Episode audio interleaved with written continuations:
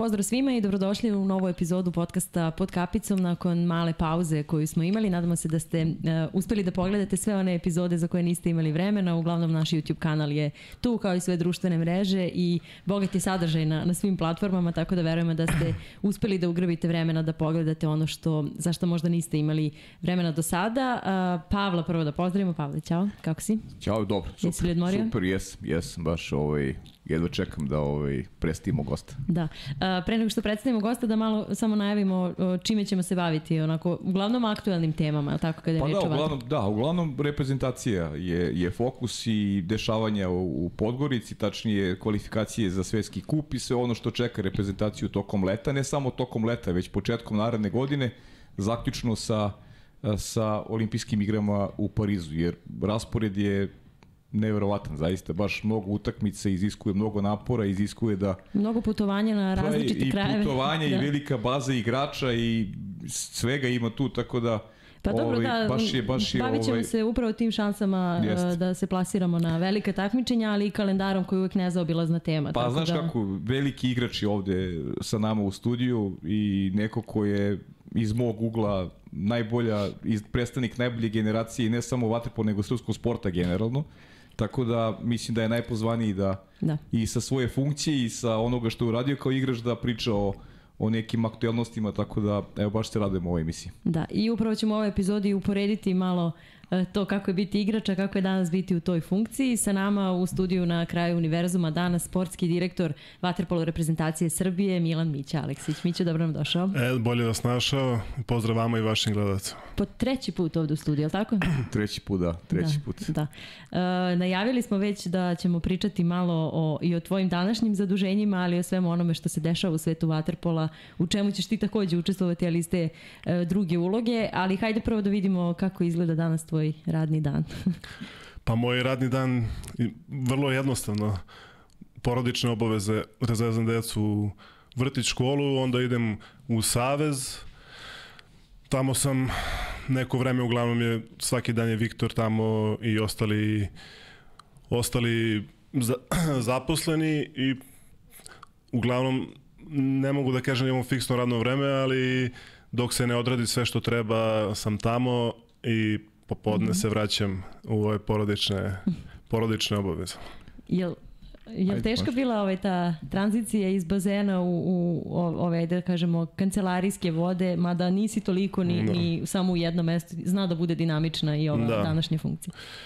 Pa meni iskreno to što sam prestao aktivno da se bavim sportom sa ove, sa ove vremenske distance mogu da kažem da sam donao pravu odluku jer nijednog mm -hmm. momenta se nisam pokajao niti pomislio da možda nisam trebao to da uradim. Tako da mogu da kažem da sam apsolutno zadovoljan i siguran sam da sam doneo pravu odluku u pravo vreme. Tako da svakako imam manje obaveza u fizičkom smislu, to mi, to mi, to mi prija i na neki način mogu da kažem da sam se stvarno pronašao, ostao sam u sportu, nisam želeo, to sam pričao i zadnjih godina karijere, da ni, nisam sebe video kao, kao trenera i da na taj način se mm -hmm. posvetim vaterpolo, tako da ostao sam u sportu koji, koji mi je dao sve, kome sam i ja da vratio uh -huh. dosta, da tako kažem, tako da apsolutno sam, apsolutno sam zadovoljan. Mićo, ili, ili ovaj, kad, kad to klikne, ovaj, ili, ili poslušaš i, i telo ti šalje signale i glava, je to neka Pa, kombinacija mislim- jednog i drugog? Pa uglavnom da, nisam, nisam ja prestao sa 29 ili 30 godina pa da se nešto mm -hmm. desilo, jednostavno imao sam 36 godina u mojoj poslednjoj sezoni i jednostavno godinu, dve pre toga sam znao da će doći taj moment vrlo brzo i tako su se stvari, vratio sam se u Srbiju i igrao sam poslednju godinu u Partizanu kao što većina ljudi koji prati Waterpolo i zna i jednostavno nije to bio neki moment ili ne znam kako bi to objasnio, jednostavno to je bilo to, dosta, dosta, dosta je bilo, mnoge se stvari nisu poklopile, tako da sve ukupno, sve ukupno kako se zove, jednostavno spontano mogu da kažem da se to desilo, iako je to bilo neminovno da se desi ili godinu dana kasnije ili, ili pre, kao što sam rekao malo pre, odgovorio na prethodno pitanje, mislim da apsolutno nisam apsolutno nisam pogrešio, niti se kajem zbog, zbog te odluke. A vidiš sad neke stvari iz ove uh, funkcije i pozicije u kojoj si, o kojem uopšte nisi ni razmišljao kao da. igrač? Ima tih nekih detalja o kojima moraš sada da brineš i da. tako dalje. Je li ti je bilo to u glavi negde dok si bio igrač ili makar tu na kraju karijere negde da, da ćeš morati time da se baviš?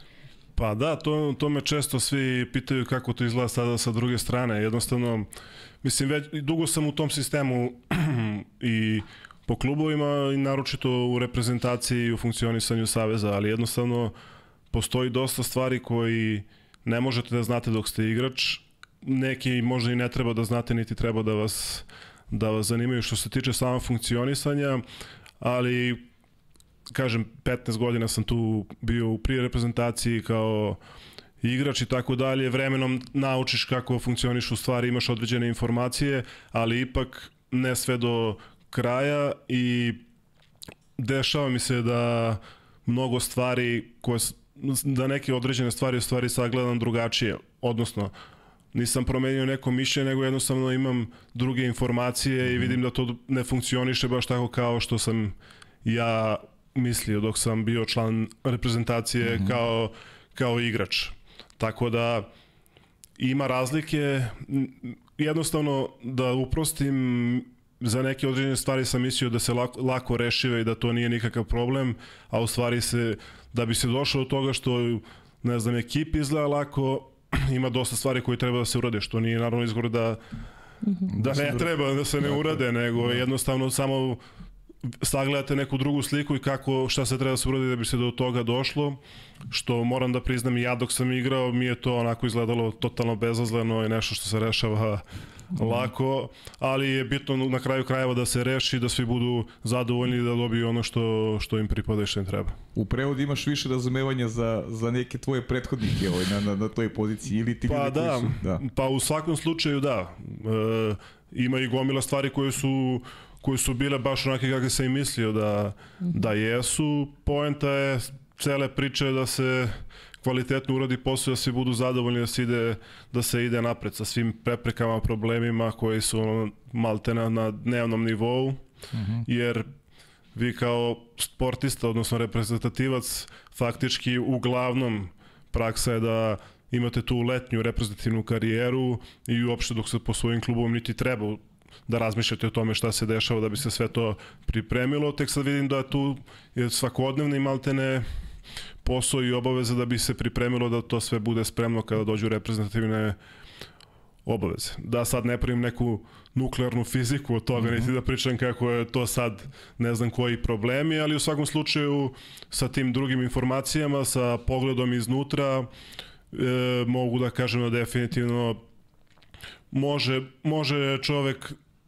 da, da pogreši u mišljenju, odnosno da ima drugu sliku, ne zato što ne znam šta se dešava, nego jednostavno nemaš na dnevnom nivou uh, situacije, informacije i tako mhm. dalje.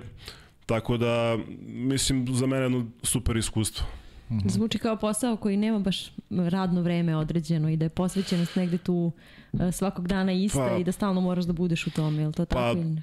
Pa naravno, svaki dan svaki dan moraš da razmišljaš o tome i da pripremaš ako nemaš taj dan konkretno nekog posla za ono što, što ti sleduje, ali kao što sam malo pre rekao, reprezentacija uglavnom iziskuje obaveze preko, preko leta, ne mislim samo na seniorsku, nego i na juniorske i mlađe, mlađe selekcije, tako da koliko god u nekom periodu koji je vrlo mali da nema toliko posla, uvek ima šta da se radi da se priprema i dolazi to leto gde kreću sva takmičenja mlađih kategorija, turnire, kvalifikacija, da je onda onako baš ima dosta, dosta posla i, i obaveza. Hmm. Koliko se osjeća kao, kao, kao mlad igrač kada si ti počinjao, aj sad poredimo generacije, da li si imao tu vezu e, ta, taj osjećaj da, da imaš iza sebe neki, da imaš stabilan savez koji, e, koji uh, usmerava igrače i neke vaše karijere u pravom smeru i koliko sada mladi igrači mogu da kažu, eto sad iz neke tvoje pozicije kao direktora, koliko mladi igrači mogu danas da imaju te osjećaje sigurnosti jer jer ta neka krovna organizacija im im nudi ovaj apsolutni mir, mogu da se fokusiraju samo na rad, a sve ostalo sve ostalo prati na najbolji mogući način. Pa znaš kako te stvari razmišljanja o tome idu kao i mnoge druge sa, sa godinama. Ti kao mlad igrač naravno da si srećan što si tu i uopšte ne razmišljaš, niti treba da razmišlja mlad igrač o tim stvarima. Njemu je bitno da ima uslove za trening, što ja mislim da gotovo uvek je nema nikakvih problema oko toga i nije normalno da neki mladi igrač se bavi tim stvarima, tako da godinama kako provodite vreme, de, 10 godina, vremenom do, učestvujete na neki način u, u radu u radu reprezentacije, reprezentacije, odnosno saveza, ali je svakako jako bitno da kad igrač ne razmišlja o tome, znači da je sve znači da je sve u redu, tako da što manje što manje se ra, igrači i struka treneri i ostali koji su pri, pri ekipi mm -hmm. razmišljaju o tome je znak da, da je sve to u suštini u redu. Ja bih volio da to tako funkcioniše. Naravno, kako postajete stariji, umorniji, onda tražite onako zamerke za sve i ja sam sam bio Tako, I to je isto takođe normalno i ja sam za to da igrači treba da se uključuju u neke određene stvari koje se tiču ekipe i treba ih konsultovati jer poenta svega je da njima bude dobro da se oni osjećaju okay. sigurno, a ne da se to uradi na najlakši mogući način nego i ja mislim da je to pravi pravi put i mislim pre svega je jako bitno da postoji dobra komunikacija između ekipe i i naravno organizacije same Waterpolo saveza i ja mislim da to ide u tom smeru. Bilo je i do sad, sad naravno kao i u svemu i u sportu i u životu uvek tu dolazi do problema, diskomunikacije i šta ti ja znam, ali treba raditi na tome da to bude onako jedan skladan, skladan odnos i onda je to najbolji preduslov za sve ovo ostalo. Spomenuo si da nisi razmišljao o trenerskom poslu kada si bio pred, da. pri kraju karijere. Zbog čega? Šta misliš da je bilo potrebno pa, da ti to možda nemaš da bi radio? Pa ne, ne smatram da nisam, kako da kažem, da nisam spreman za to mm -hmm. u smislu da bi možda, da ne bi znao kako to da radim. Sigurno, ne mogu da ja kažem da bi znao, ali imam neki određeno iskustvo i ideje. Jednostavno, moram da priznam da nisam bio spreman da se posvetim na taj način mm -hmm. s, uh, samom sportu, jer jednostavno da bi se se ozbiljno bavili tim poslom morate mnogo, mnogo više da, da budete ne, sam, ne prisutni, da kažem, nego posvećeni tome jednostavno da budete ceo dan da razmišljate ili imate ekipu koju vodite kao igrač ti u suštini razmišljaš od treninga do treninga i razmišljaš o sebi najviše, naravno i o, i o ekipi, ali e, kada si trener, kada imaš odgovornost prema svima, moraš da sve to planiraš uz bezbroj problema i situacija, jednostavno iziskuje jednu posvećenost 24 sata. Mm -hmm. I imam iskustva sa igrača koji su, da. koji su postali treneri i jednostavno da bi to radili kako treba morate apsolutno budete posvećeni da to malte ne bude vaš život. Ja priznajem da nisam bio u ovom trenutku spreman spreman da, da, da, da na taj način učestvujem mm -hmm. u Waterpolu i nisam, a nisam s druge strane hteo da radim to onako na, da na pola samo da bi radio, mislim da to nije pošteno pre svema i prema toj deci sa kojom, sa kojom radiš, a ili u prvom timu prema to su već ljudi. Mislim da to nije fair ni prema njima, jer ti kao trener neminovno je da tražiš maksimum od njih uvek ili bar u određenim većini momenta, onda nije fair da ti to radiš onako na pola, jednostavno poštenije po meni ne hvatate se uopšte tog mm -hmm. posla i ja kažem nisam bio nisam sprem, bio spreman da, da na taj način ostanem u, u sportu tako da eto to je to. To je fair. E, znaš šta mi je zanimljivo? Mićo, sad slušam te šta pričaš i uh, sad iz tog vašeg generacijskog ugla. Ili si znala tada kao, kao igrač dok ste provodili toliko vremena zajedno da će Žile biti trener, da će Boba biti trener? Ili si ti da. nekog prepoznao tada ili, si, ili, si, ili ste govorili između sebe ti ćeš biti sigurno dobar trener? Pa dobro, sigurno da oni imaju neke onako kako da kažem imali su dok smo, dok smo bili igrači neke predispozicije određene da mogu da se bave tim, tim poslom. Za Žileta konkretno sam znao jer jednostavno poslednje godine njegove karijere smo igrali, igrali zajedno i on se i u suštini on se i pripremao da, da bude da se bavi tim poslom. Nije samo preko noći odlučio, znači poslednje koliko se ja sećam, sad već jedno možda sigurno dve godine se ozbiljno pripremao da, da se bavi tim poslom, a verovatno je o tome razmišljao, odnosno sigurno i ranije. Tako da sam njega poznavajući ga vrlo dobro i ovako lično, znao sam da to da je to pravi, pravi sigurno izbor za, za njega. Tako da i kroz njega sam, on mi je čak bio u Solnoku, njegova prva trenerska godina, ja sam bio igrač, on je bio trener, tako da sam mogu da vidim izbliza kako to izgleda, pogotovo kada odmah uletite u ekipu sa ambicijama, prvi posao nije sigurno lako, tako da mogao sam da sagledam pre kraja svoje karijere da li je to za mene ili nije. U ovom trenutku stvarno mislim da ne. Uh mhm. -huh. A dobro, kaži mi, uh, ili ima neko još iz generacije koga, koga prepoznaješ da bi mogao bude trener? Andrija recimo, kako zvuči to Andrija pa, Trudnović trener? Pa mislim, on je stvarno jedan od najposvećenijih igrača, odnosno sa kojima sam ja imao priliku da igram. Ima ih još, naravno, ali on je stvarno dao, dao sebe ovom sportu, ne samo kroz trening i utakmice, već konstantno se bavio time i u slobodno vreme i razmišljao i pratio, tako da je on sigurno jedan od što sam ja imao prilike da igram s njima i od mojih prijatelja koji je najposvećeniji uh mhm. -huh. celo, celokupno gledano, kažem, tom sportu što se na kraju i dalo rezultate, znamo svi da ne pričamo o tome. Tako da mhm. sigurno bi on, mislim da bi on mogao on bi mogao to da radi na jednom visokom nivou. Sad pitanje je da li on isto tako spreman da ostane u tome na taj način ili ne. To je sad od njega. Nismo iskreno razgovarali o tome, ne znam. To Pavle pokušava da te pita, jel ti je rekao nešto? Da, Andrija? ne, ne, ne. ne. Nije, nije mi rekao, ali njega vidim. Mislim da bi, mm -hmm. na primjer, Bane Mitrović njega vidim kao... Je tako? Da. da Bane, mislim da bi... Pa mislim da bi on bio odličan trener golmana. Da, mm -hmm. Ima neverovatnu radnu etiku i posvećenost i mislim da toga fali, pogotovo kod nas u, u Srbiji, ne kažem da nema, naravno, trenera golmana, ali bi ja bi voleo ako bi on ostao u Waterpolu da, da, se, da, se bavi, da se bavi time, ima svakako dovoljno iskustva, sad da li on to žele vidjet Mm -hmm. Da, vidiš kako se sad dovezuje, Miloš Sekulić mi je pričao uh, u, u ovom prošlom podcastu da recimo u Nemačkoj da uopšte nemaju trenera golmana.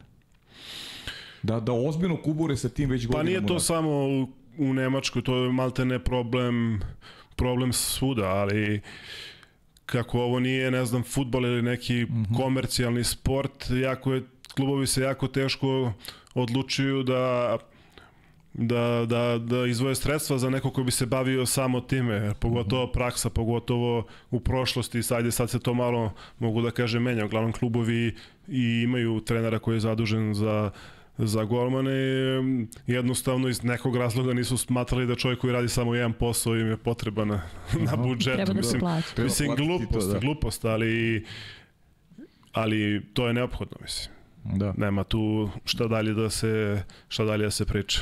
Ništa Bane, slušaš ovo verovatno tako da. da Da. Pripremaj se jednog dana za trenera Gomara. Dobro, ima tu još veterana, hoćemo da probamo. Ne mislim da bi Gojko bio isto odličan Pjetlović u tome, ali on je otišao drugim putem, otišao, otišao da. drugim putem i zato ga nisam spomenuo, ali da. na primjer njih dvojica uvek kada sam ih pitao ili bilo koji za reprezentacije za neki savet kad igramo protiv nekih određenih ekipa u odnosu na golmana suparničkog gotovo se ne sećam da da su dali neku pogrešnu analizu mm -hmm. obojica, tako da mm -hmm. siguran sam da bi obojica radili taj posao dobro, nego jednostavno Gojko otišao u, dru, u drugom yes. smeru, posvetio se nečem drugom i zato sam uh, apostrofirao Baneta na prvo mesto. Da, Bane još igra pa. Da. E, kad smo ko Baneta, da, da čestitamo ekipi Vašaša, naravno, i ovaj, srpskim igračima i treneru Bobi Nikiću na plasmanu u finale Evropa kupa, pobedili su pa ni oni su polufinalu i čeka ih finale sa Savonom, sa dakle, Sava da. Ranđelović, Bani Mitrović i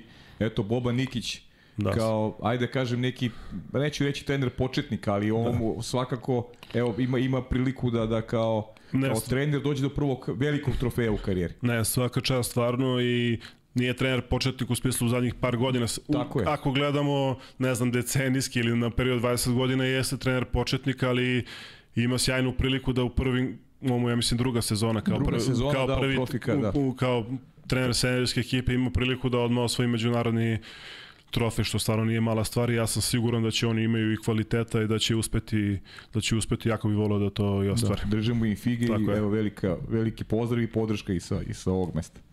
Da, hoćemo da krenemo malo tim putem takmičenja koje nas očekuju i koje se Hoćemo, dešavaju. pa ne, Ajde ne, prvo ovo što aj- se odigralo. Ja da. bih malo da vratimo na, na ovaj turnir svetskog, Svetskog kupa. kupa, da. da. malo da, da napraviš neku, neku paralelu. Mi će, pošto bio si tu i tokom Evro- evropskog prvenstva u Splitu, nismo pričali o tada, tamo, de, tamo smo završili kako smo završili. U suštini smena generacije nekad je, nekad je manje bolna, nekad je bolna, pritom a, vi ste napravili onako, podigli jednu lestvicu očekivanja javnosti, jer najbolja ste generacija, ja kažem, to je moje mišljenje u istoriji srpskog sporta, ne samo ne samo vaterpola i onda navijači su razmaženi. Prosto vaterpolo publika je razmažena, očekuje stalno vrhunske rezultate i sada je Srbija na nekom, na nekom novom početku. Nije više tu ni Deki Savić, nekako je eto i on sišao sa scene sa, sa, sa tvojom generacijom. Pa kako ti izgleda, ajde kažem, to neko poređenje e, sa, sa Splitom, uh, odlazak u Podgoricu, moram priznati da, da, su, da su neke utakmice proti Španije recimo da su zaista bilo onako izuzetna utakmica E, iz mog ugla eto možda samo ta Grčka gde smo imali onaj propust, oni, onih 6-0 koje je Grčka Da. napravila lagano, onu seriju 6-0, da je to možda onako jedini ajde da kažem neki detalj koji možda navijaču onako ne prija, ali sve u svemu ne jedan turnir koji je odigran onako na visokom nivou i u krajnjem slučaju Srbija obezbedila plasma na, na Da. finalni turnir. Pa, samo na sekund ću da se vratim na, uh -huh. na onu priču kako izgledaju stvari dok si igrač, što se, što pričali smo što se tiče dela organizacije. Isto tako sada sve više kada gledam utakmice Waterpolo sa strane, stvarno može da se, da se, da se, mogu da se vide neke određene stvari koje kad si igrač možda treba neko vreme da se hladne glave da se pogleda da bi mogo da vidiš neke detalje koji su meni, meni bitni. Što se tiče Podgorice i celog turnira, iskreno to je izgledalo, no, moram da kažem, mnogo bolje nego što sam ja očekivao da u ovom momentu, s obzirom da je u sred sezone igrači stvarno imaju paklen raspored, da je izgledalo stvarno mnogo bolje nego što, je, što, što, što, smo, što smo očekivali. E, jako mi se svidela energija ekipe, e, od rezultata i sad ne znam tih nekih tehničkih stvari u smislu taktike prerano jako pričati o tome i mislim u ovom trenutku nije toliko ni važno jer bez ove stvari što kažem njihovog sklada i i želje ne može da se ide napred. To je bilo apsolutno na, na vrhunskom nivou i mislim da je to jedna jako dobra osnova za ono što nas očekuje dalje. Konkretno što se tiče utakmica, evo baš ovo o čemu pričam, i eto ta Grčka 5 ili 6-0, mm. e, nikad ne bi mogli da se vratimo u utakmicu da ovo nije postojalo. Tako da mislim da je u ovom trenutku to bilo najvažnije što ovaj turnir mogao da donese da donese ovoj reprezentaciji i to smo videli i ja sam stvarno srećan zbog toga i to je onako da ponovim još jednom jedan dobar osnov da bi moglo da se ide napred jer ako nemate to, ali neću da kažem one floskule u smislu atmosfere i šta ti ja znam, nego bitna je želja i sklad koji oni su sigurno uspeli da da, da, da ostvare u ovom, u ovom trenutku i da onako sve će lakše ići ako, to, ako se to održi na nekom lepom nivou. Tako da kroz rezultate se to i, i videlo, odnosno kroz pristup utakmicama i želja kad je, kad je to kad to tako izgleda onda sve sve je moguće. Da. Ono što je meni, ja moram kažem, ovaj, i I. Španija, ono- izvini, Španija je Ajde. bila 5-0 pa Tako smo na je. kraju pobedili utakmicu. Tako je, da, U tako je. okolnostima gde ove stvari ne funkcionišu, gotovo da ne postoji teoretska šansa da ti možeš da okreneš te, Bravo, da. te, te utakmice. Da, i, i da kažem on, on, ono što, što je stvarno meni onako prijelo, imponovalo, ovaj, gledajući, to su, to su i momci koji su takođe dvostruko olimpijski šampioni koji koji i treba da budu lideri, da budu lideri uh, i da, da negde ovaj, pomognu ovim mlađim momcima da se negde aklimatizuju i da i da postanu bolji igrači Bane Mitrović, Manda koji je odigrao turnir fenomenalno, stvarno je bio da, da. onako pravi lider u bazenu Jeste, i baš jeste. si videla ta neka energija i velika volja uh, koju su i oni dali ovaj, u tim u Da. tim utakmicama, bukvalno od prve utakmice pa do, pa do poslednje. I to je nešto što stvarno hrabri pred ono što je, Tako je. najvažniji period i ove godine, a i onoga što sledi sledeće godine.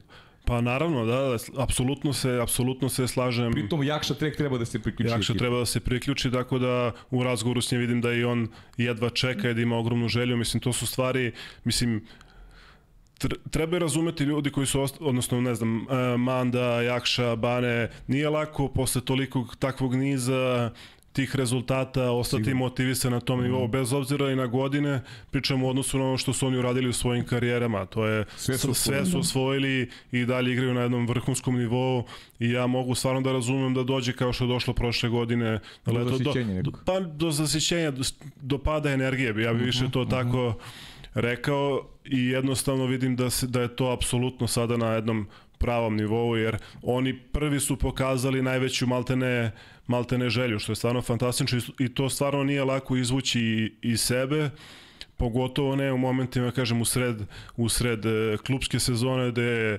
oni svi igraju u klubovima sa velikim ambicijama, sa, sa mnogo velikih utakmica, ne samo fizički je zahtevno, nego i psihički, tako da mislim da je reakcija bila odlična i svaka im čast, svaka im čast na tome. Da, jeste, baš, baš to je moj utisak i baš mi je drago da si, da si podelio i, i ovaj, eto i tvoj utisak ovaj, o tome, pritom ne treba zaboraviti da su Jakši i Manda mladi momci, mladi momci koji su osvojili a, dva olimpijska zlata. Mislim, Jeste. o, oni su u grupi sa vama, sa tvojom generacijom dvostrukih šampiona, ali oni su najmlađi dvostruki šampioni, ja ne znam da li ima u nekom sportu ovaj, da, da je neko osvojio dva, dva olimpijska Pa da. zlata i treba sebe da gurdaš da guraš napred iz godine u Treba. godine, to stvarno nije lak.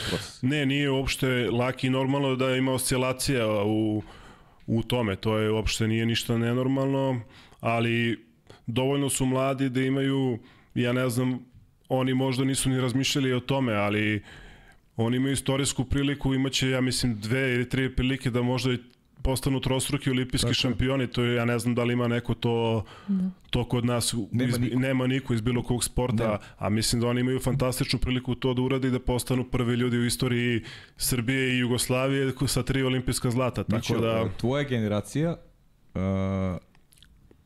Igor Milanović, Dragan Andrić i Milica Mandić. Eto. I to je to, srpski sportisti, to su sportisti A iz sve, Srbije koji a, imaju dva a, olimpijska a, zlata. s, s tim što sve ove što si nabrojao, sem njih dvojice, neće imati više priliku da, Priliku, imati da. neće imati priliku da, da Njih dvojica osvoje, imaju. njih dvojica će imati i minimum dve prilike da to znači olimpijske igre u Parizu i u Los Angelesu i ja mislim da treba da budu sve sigurno su svesni imaju priliku da uđu stvarno u istoriju onako da budu baš mislim teo sam da kažem u odobranom društvu ali nema društva Nema da, bu, društva, da da. budu Nema društva. da budu i- Jedinstveni. da tako da Tako da bez pritiska, momci. da, bez pritiska. Ovo- I, i Bane Mitrović koji isto ima priliku Bani da to, Mitrović ima, tako je, Bani Mitrović ima i Sava da Ranđelović, ja sam sada apostrofirao Bravo, ovu dvojicu, njih ima i, ima i. I četvorica, ne znam da sam zaboravio još nekog. Da, da.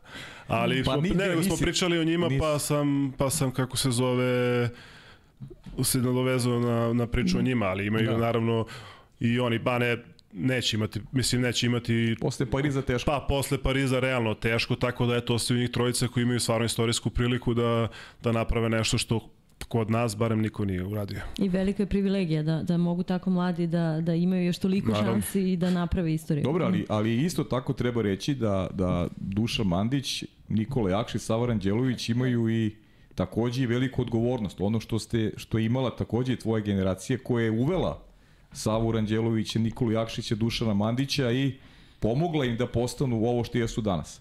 E, njih trojica treba da, da sad ove, ovu, ovu novu generaciju da oblikuju i da im pomognu da možda oni jednog dana, ajde, možda ne dostignu ove Da. visine, ali da, da, Da. da. predstavljaju srpski vaterpolo na jedan odgovarajući način i da, i da sami postanu i dobre osobe i da postanu, da. Da. da postanu i dobri sportisti. Pa mislim, naravno, sad nisu oni, da se vratim na ovaj početak tvog izlaganja, nisu oni postali ovakvi igrači samo zbog nas. Oni su Okej. u, pre svega svojim radom, pa onda možda i talentom uradili to što su radili. Eto, imali su priliku možda da igraju sa još vrhunskih igrača da postanu po meni sad jedni od najboljih igrača trenutno na, na, na svetu, tako da... Sigurno jesu. Pa da, Manda tako da Sigurno jesu. e, sigurno da oni treba da, da predvode ovu generaciju, to je, mislim, to je bez, nije upitno nije upitno uopšte i da ja se nadam da će se igrači koji ulazi možda nemaju toliko godine iskustva igranja za reprezentaciju i uopšte bitisanja prije reprezentacije u smislu svega ostalog, ne samo bazena, naučiti od njih dosta. Siguran sam, siguran sam da hoće, jer mislim jednostavno kada gledaju u njih vide koji je pravi put. Tako je. Tako da, eto, to je to. Da, uh, ovaj turnir o kojem, o kojem smo pričali, kojim si zadovoljan, rekao si kratko u analizi uh, i spomenuo si tu novu energiju u tome što si pričao. Uh, taj neki ajde da kažem, neuspeh u Splitu o, kojem smo pričali i tada kada smo se vratili svi sa prvenstva i kasnije sa, sa našim sagovornicima, čini mi se da smo onako prilično dramatično analizirali, što jeste verovatno za nas koji gledamo to malo i navijački i dalje prilično bilo i stresno i, i, i bolno. Uh, međutim, ta nova energija koju si spomenuo, misliš da, da je bilo možda neophodno da se desi tako nešto što će ih malo uzdrmati? Kako gledaš na to sada sa, sa ove pozicije? Kako si gledao kao igrač? Jesu li da. ti neki, ajde nazovimo ih de, debaklom, da. na pojedinim velikim takmičenjima ovaj, uticali kasnije pozitivno na ekipu sada kada gledamo to s neke vremenske distance sada je ma, pa možda pa, malo lakše? Eto, poredi ga recimo sa Budimpeštom. Da. Da, pa mislim, sigurno nije poželjno da se tako nešto mm -hmm. desi, a opet kada se takve stvari dešavaju, uglavnom se izlače neke pouke i jedino u takvim situacijama mogu i neke stvari da izađu na videlo, tako da svakako da nije dobro biti, ne znam, deveti na evropskom prvenstvu. Peto, peto mesto na svetskom prvenstvu prošle godine po meni nije mm -hmm. uopšte neuspeh. Sad to je pitanje jedna utakmica čet finale, da li je moglo da, da se odigra bolje pa, ili ne. Jedan, jedan poraz ima. Jedan, jedan poraz ima, tako da ne bih se previše vraćao na to prošlo leto, ali po meni je E, mogu da razumem, mogu da razumem, velika je promena, nova ekipa, nisu bili ukomponovani ni igrački, ni van bazena, što nije uopšte lako kada se promeni šest igrača koji su tu 15 mm. godina, malte ne, tako da je s te strane razumljivo. Bile su i stvari koje su sigurno, neću da kažem ni mogle, nego morale da, da budu bolje, ali ako će pilog svega toga da bude ovakav pristup reprezentaciji mm -hmm i energije i želja, onda, onda smo nešto dobro izvukli iz svega toga lošeg. Tako da ne možemo reći sad da deveto mesto nije strašno ili ne znam kao desilo se, jeste, nije funkcionisalo, sve u redu, završilo se, idemo dalje, nema prosto vremena e, nema prosto vremena vraćati se na to i jednostavno drago mi je da, vid, da smo videli neke pozitivne reakcije i promene u odnosu na to. Tako jest, da jest. to se ostavlja pa, iz, ostaje iza nas i idemo dalje. To je iskreno, iskreno Mićo i, i ovaj turnir u, u Americi na kome mm -hmm. si ti da. takođe da. bio i koje gleda utakmica mogli su da se pogledaju i protiv Španije i Sjedinjenih država takođe su ovo da. pokazale jednu, jednu, pa da, jednu, jednu dozu dobre energije i onoga što, što može da se dogodi pozitivno u budućnosti. Pa da, mislim, e, to je bilo prvo sledeće okupljenje, ako se ne varam, yes. posle, posle, posle Splita i ta njihova reakcija, odnosno igra ili šta ti ja znam, boravak u reprezentaciji pokazuje da im je stalo i pokazuje da su to ljudi za velika dela koji dalje žele da osva, osva, osvajaju medalje i dobre plasmane na, na velikim takmičenjima za Srbiju. Tako da, ako je neko imao sumnju da mislim da je sada to otklonjeno, što se mene bar, mhm. bar tiče, jer da nije tako ni ta dva turnira koja su bila posle sigurno bi poka... videlo bi se jednostavno to, ne, to je teško sakriti. Mm -hmm. Drago nam je što nije tako, idemo napred i to je to sigurno da kvalitet postoji, da to, ja sam ubeđen da to može mnogo, mnogo bolje u smislu da budemo konkurenti na svakom takmičenju za, za medalju.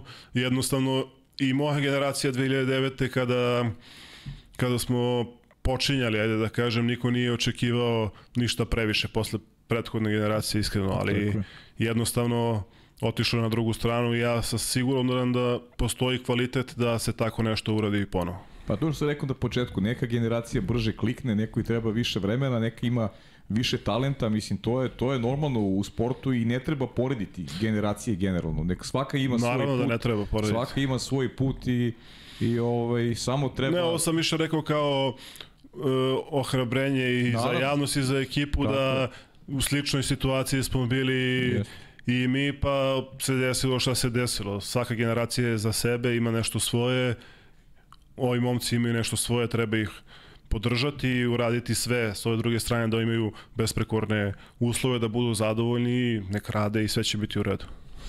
Dobro, to je ono što smo već isticali nekoliko puta. Ako neko ima kredita u javnosti, to su vaterpolisti, tako da tu mislim da nema nikakve ono, dileme. Pa, ovde će imati uvek kredite, da. tako da. da samo lagano. Da. E sad, ono što sledi ne samo ove godine, već i naredne, ajde reći ću i to, uvek negde potegnemo tu priču kalendara, Uh, hoćemo redom da krenemo, u stvari šta je sledeće, prvo sledeće, da popišemo sve ono velike takmičenje Ajde turnire. Ovako, de, neki, neki cilj je sigurno biti u Parizu i, i braniti dvostruko, dvostruko zlato. Dakle, Srbija je dvostruki osvajač zlatne medalje na olimpijskim igrama i u Riju i u, i u Tokiju. Ali do ali tog Pariza... put do Pariza je onako baš trnovit.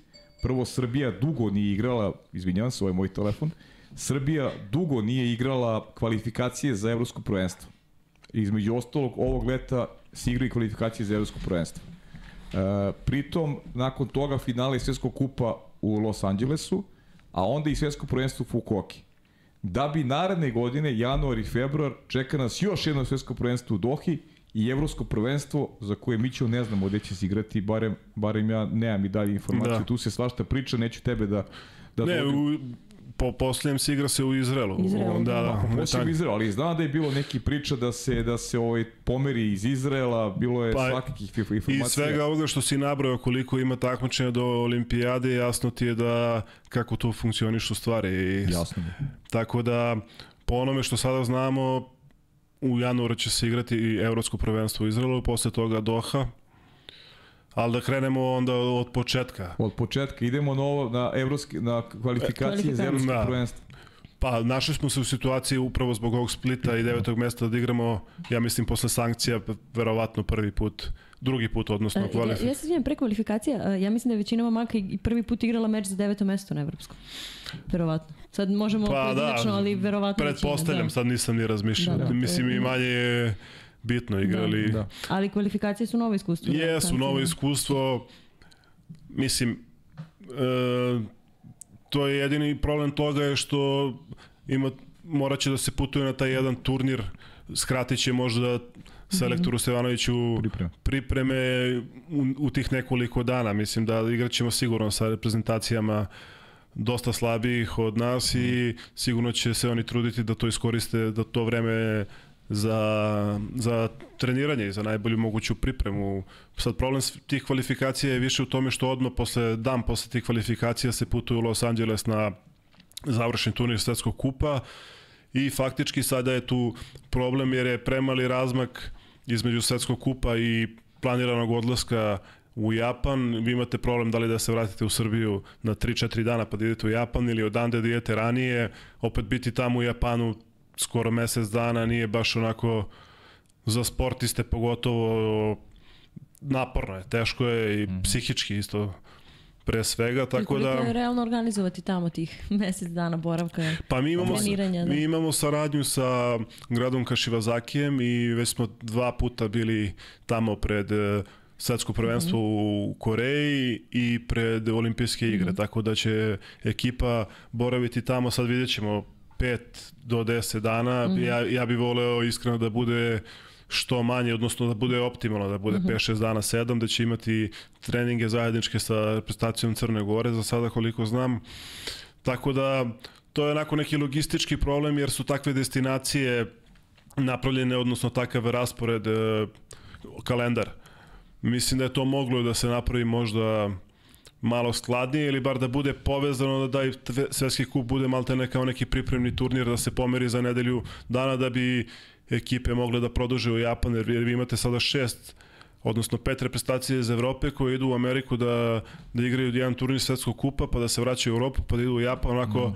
baš je neki će možda ostati tamo ne znam to je kako se sad ko snađe i tako da u tom kontekstu priča o, o kvalifikacijonom turniru za evropskom prvenstvu nam ne odgovara, jer jednostavno vezano je od početka, ja mislim da je to 22. recimo jun, maltene do 31. jula će momci biti na na putovanju. Tako da u tom, u tom kontekstu taj turnir nam ne odgovara. Što se tiče rezultata, mislim da tu nema nikakve dileme. Mhm, mislim, mhm. tu nećemo imati sigurno nikakvih problema, jedino što možda remeti selektoru pripreme, ali mislim šta da se radi. Gledat ćemo to sa strane da ćemo imati više, utak, više utakmica za, za igravanje mm -hmm. i da budu svi zajedno na, na okupu. Eto. E, Miđe, tu mora tvoja reč mora da se da se čuje jer je jako važna ta i fizička ali i ta mentalna priprema takođe jer ako si na nekom mestu provodiš nekih dva, dve nedelje i više što utiče na neku, na neku svest, nemir igrača, to je e, ti najbolje znaš ovaj, koliko je optimalno za, da. za, za provesti vreme negde izolovan ovaj e, izolovan od svega i, i, i, i biti u nekom ambijentu koji prosto prosto ne prija. A druga stvar koja, koja mi je pa, prošla kroz glavu jako je važna, taj svetski kup u Los Angelesu. I on nešto donosi rezultatski. Jeste, da. prve dve ekipe idu, idu u, direktno u dopu. Sve, tako je. svetsko prvenstvo. Je, tako, tako da je i to važno takmičenje. Svakako, da. E, to je prva dva mesta daju kvalifikante za svetsko prvenstvo u Dohi. u Dohi, što bi bio, ja mislim, fantastična stvar kad, bi, kad bismo uspeli da se plasiramo tamo direktno i da više nemamo, ne razmišljamo uh mhm. -huh. o tome, mada ni kroz, e, plasman kroz evropsko prvenstvo, mislim, Nadam Neće se da, upit, ne, ne, ne bi trebalo da. da bude upitan, ali ako imamo priliku što, što, da što to ne bi rešili mm -hmm. što to bi rešili na sada, ali što se tiče prvog dela tvog pitanja, mislim, to, to isto dosta zavisi od toga gde se održava prvenstvo, gde boravite i tako i tako dalje. Imali smo iskustvo sa Japanom prošle godine ili pre dve godine pre dve, pre dve godine olimpijskih igara i u tom gradu u Kašivazaki gde smo boravili stvarno su fantastični uslovi, ali opet s druge strane nije lako biti tako daleko kad, kada počne tu, sam turnir, onda to sve ide brže i mm -hmm. fokus je onako na, na utakmicama, ali jednostavno znam iz svog iskustva kada prerano negde odete i iščekujete onako u atmosferi da nema, kad imate dan slobodno ne možete da odete negde da se malo izolujete iz vaterpolo sveta ili da se posvetite nekim stvarima onako da kažeš da ne razmišljaš o tome, nego ste i kad je slobodno vreme i slobodan dan, vi ste opet svi zajedno, jer jednostavno nema šta. Mislim da je to opterećujuće malo i da, na primer, ti dani pred prvenstvo kada smo u Evropi ili ne znam, nekim bližim destinacijama da imate priliku da uradite možda nešto van vaterpola ili da odete negde ili da otputujete ili šta ja znam, jednostavno momci neće imati priliku to da, da rade u Japanu i iz tog razloga mislim da to da je to predugo, a da ne pomenjem put vremenske zone i tako dalje, mislim teško će biti, ali isto će biti svima, tako da, da. ne pričam ovo u kontekstu uh, nekog alibija Ma, za da. rezultat ili igre, nego jednostavno hoću da približim ljudima da je to stvarno onako koliko god nekom možda delovalo, a tu putuju mesec dana, nije to baš Ma. nije to baš tako dosta. Ti ne putuješ, ti, ti ne ti putuješ. ideš, ideš da treniraš, da. ideš da igraš, nije to, tako nije da, to odmor, nije to izlet. Da, tako da ne možete, ajde da to definišemo, ne možete slobodno vreme koje imate tamo kvalitetno da da provedete u smislu da napunite, da se malo isključite, što je svakako potrebno u nekim momentima i da ga kvalitetno uh mhm. -huh provedete da biste se onako opet napunili entuzijazmom za ono što vas čeka. Da, I da ne spominjamo i ono odvojenost od porodice, mnogo, mnogo, mnogo ljudi koji imaju malu decu koji da. ne viđaju po meseci i po dana i tako dalje, što svakako odmože jedina, na tom mentalnom da. planu. Jedina dobra stvar što stvarno većina reprezentativaca nam je trenutno igra u našoj zemlji, u našoj ligi, pa su tu preko, pa su tu preko, preko cele godine, mnogo je teže kad igrate u inostranstvu, pa onda celo leto provedete mm. još negde na putu, to je onako zna da bude stvarno teško. Eto, ako je nešto olakšavajuća mhm. okolnost, onda neka bude, neka bude to. Da, to je tvoja generacija uglavnom je u tom ovaj, pa, modu bila. nismo imali tu sreću da provedemo veći deo karijere u u Srbiji i onda se dešavalo da vezujete maltene u godinu dana da provedete dve, tri nedelje da možete da mhm. dođete da vidite porodicu prijatelje. Da. Nikad nije lako, ali eto, bolja je opcija da ste tokom godine kod kuće. Da. da. Pa zato treba naći taj sad neki optimum u, u celom ovom letu koji će biti biti turbulentno optimum između e, nekog kvalitetnog treninga, kako, kako organizovati sad taj odlazak iz Los Angelesa, jer opet naporno je i s druge strane i vrati se u Srbiju, pa onda da. opet putovati za Japan. Mislim, to, to je, je naporno. Da, ali ja samo govorim koje su koje su opcije, opcije a, da. za to se svakako pita selektor reprezentacije i on, jer on najbolje će proceniti šta je najbolje za ekipu, odnosno gde se najmanje gubi u, kontinu, u radnom kontinuitetu i kontinuitetu treninga. Ja samo ovako iznosim mm. u odnosu na priču o kalendarima, šta sve može da se desi, koje su, koje su opcije, a on će proceniti i odlučiti Naravno. šta njemu najviše odgovara i tako će, tako će i biti. Tako da Vidjet ćemo, siguran sam da će on izabrati ono što je najbolje za ekipu. Mićo, kako ti deluju rivali? Ajde, sada pričali smo, to je jedan deo priče. Srbija, nova reprezentacija, novi selektor, sve to ima sad neki, neki, neki, svoj, neki svoj proces. A kako ti izgledaju, izgledaju rivali? Ovi svedoci smo da su i neke druge reprezentacije su se takođe pomladile, opet imamo Španiju sa jedne strane koja već dugi niz godina igra zajedno, igraju jako kvalitetno, pritom ti si opet vrlo pozvan ovaj, kao neko ko ima te istorijske duele protiv njih, a igru si u Barceloneti do skora sa, sa svim tim momcima da možda najviše od njima i prozboriša. Pritom vidimo da, da Italija igra takođe jako dobro, oni su u nekom, nekom uzletu sa kampanjom e, Hrvatska koja je aktualni prvak Evrope, Mađari koji se sa žoltom vargom e, dižu posle jednog perioda u kome su možda malo, ma, možda malo i lutali. Rekao bih da je onako e, Grčka koja ima vrlo stabilnu reprezentaciju aktualni osvajač srebrne medalje na olimpijskim igrama, rekao bih da je konkurencija baš, baš žestoka. Dakle, to je onako još jedna stvar koja, koja ajde da kažem, otežava taj sad opet e, proboj ka, ka vrhu gde Srbija pripada, ali nailazi na prepreke koje, se, koje su objektivne u smislu mhm. kvaliteta rivala. Pa ima dosta možda više nego ikad izjedna, izjednačenih mm -hmm. reprezentacija što se tiče kvaliteta. Ne vidim Eto, možda u ovom trenutku po rezultatima je Španija nekako se onako ističe, ali ne vidim neku onako apsolutno dominantnu reprezentaciju. Mislim da je onako kvalitet dosta, dosta raspoređen. Jednostavno, Waterpolo se u zadnjih pet godina, recimo, ajde da kažem, 4-5 godina, dosta se, dosta se ubrzao i, i u i u kretnjama i u razmišljanju i u studijskom kriterijumu, onako sve se dešava dosta brže što iziskuje jednu stvarno fantastičnu fizičku spremu i onda kada pogledate reprezentaciju Španije, Italije i Mađarske, to su realno reprezentacije koje su uvek bile maksimalno fizički pripremljene i, i ranije i sada i sigurno će biti i u buduće. Jednostavno ta promena tendencije suđenja i same igre je dala njima rezultate što se što što se može može videti. Tako da e, takođe imate situaciju u Španiji, maltene u Italiji da već i na kraju krajeva i u Grčkoj, možda sad ne toliko, ali da što ću da kažem da većina reprezentativaca su skoncentrisani u jedan u jednoj ekipi mhm. -huh. gde su dugo godina zajedno i preko godine i tokom leta. U nekim situacijama to možda i nije poželjno, treba se uželeti nekih stvari, ali jednostavno mnogo se dobro poznaju i način igre koji oni forsiraju upravo to iziskuje onako jednu neverbalnu komunikaciju u toku, u toku igre koji im daje, koji im daje prednost, ali je akcent stvarno na fizičkoj pripremi koji su oni doveli za stvarno jednog velikog visokog, visokog nivoa i eto Mađarska, Španija i Italija su prednjače po meni u tome mhm. -huh.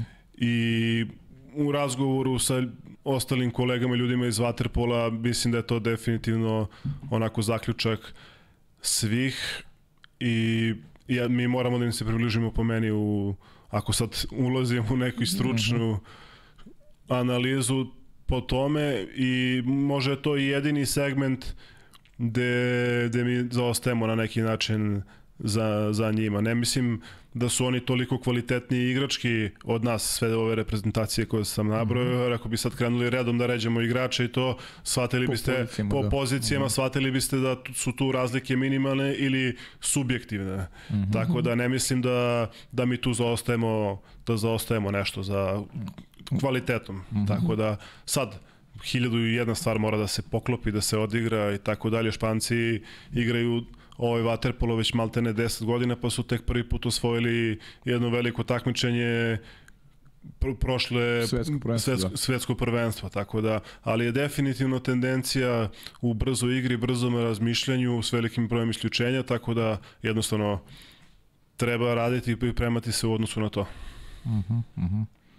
Pa dobro, pričao si, malo si pomenuo i i ovaj, da Barceloneta, ti si u Barceloneti, tu je zaista onako jezgu reprezentacije, mada evo i u Srbiji sad imaš, kad pogledaš šta će sledeće godine recimo, Novi Beograd, tu će biti gro repestivac, će biti Hoće, Novi da. Beograd. I sada je gro repestivac u Novom Beogradu, ali evo neki igrači iz Radničkog već znamo da da prelaze u Novi Beograd, tako da će tu mm. opet biti koncentracija. Hoće, hoće, nego je samo kod njih to već se dešava 10 godina. 10 godina, 10 da. godina da. da. Sigurno će to to pomoći i mm -hmm. mnogo mi je drago što imamo stvarno kvalitetnu ligu i što što u ovom trenutku su onako malo i raspoređeni igrači, mm -hmm. naravno najviše ih ima u, u Novom Beogradu, ali kada imate kvalitetnu ligu, samim tim više prostora za neke mlađe generacije mm -hmm. koje dolaze da se razvijaju u svom, u svom prvenstvu, da ne dolaze u, u situaciju da moraju mladi da odlaze i da igraju po nekim osrednjim ekipama u inostranstvu.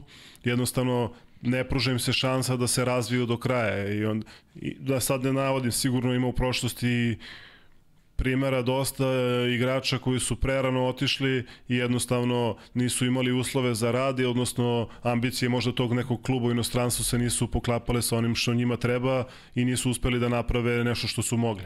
Tako mm -hmm. da sa jakom ligom imamo priliku i učestvovanjem naših kluba u, u evropskim takmičenjima i ovoj Jadranskoj ligi. Imaju mladi igrači pre svega od koga da uče, a ne sada da sa 18 godina postaju ono najiskusniji igrači i ekipe, nego da, da imaju... Ne budu lideri. Pa ne budu lideri. Mislim, lider nema veze sa, sa godinama. Tako da će je, neko da dobro, bude, da će da bude lider, nego jednostavno da ne bude sa 20 godina najstariji igrač svoje mm -hmm. ekipe. A, okay, Tako da imaju tu priliku i jako mi je drago zbog toga i ja se nadam da će tako ostati u, u, u budućnosti.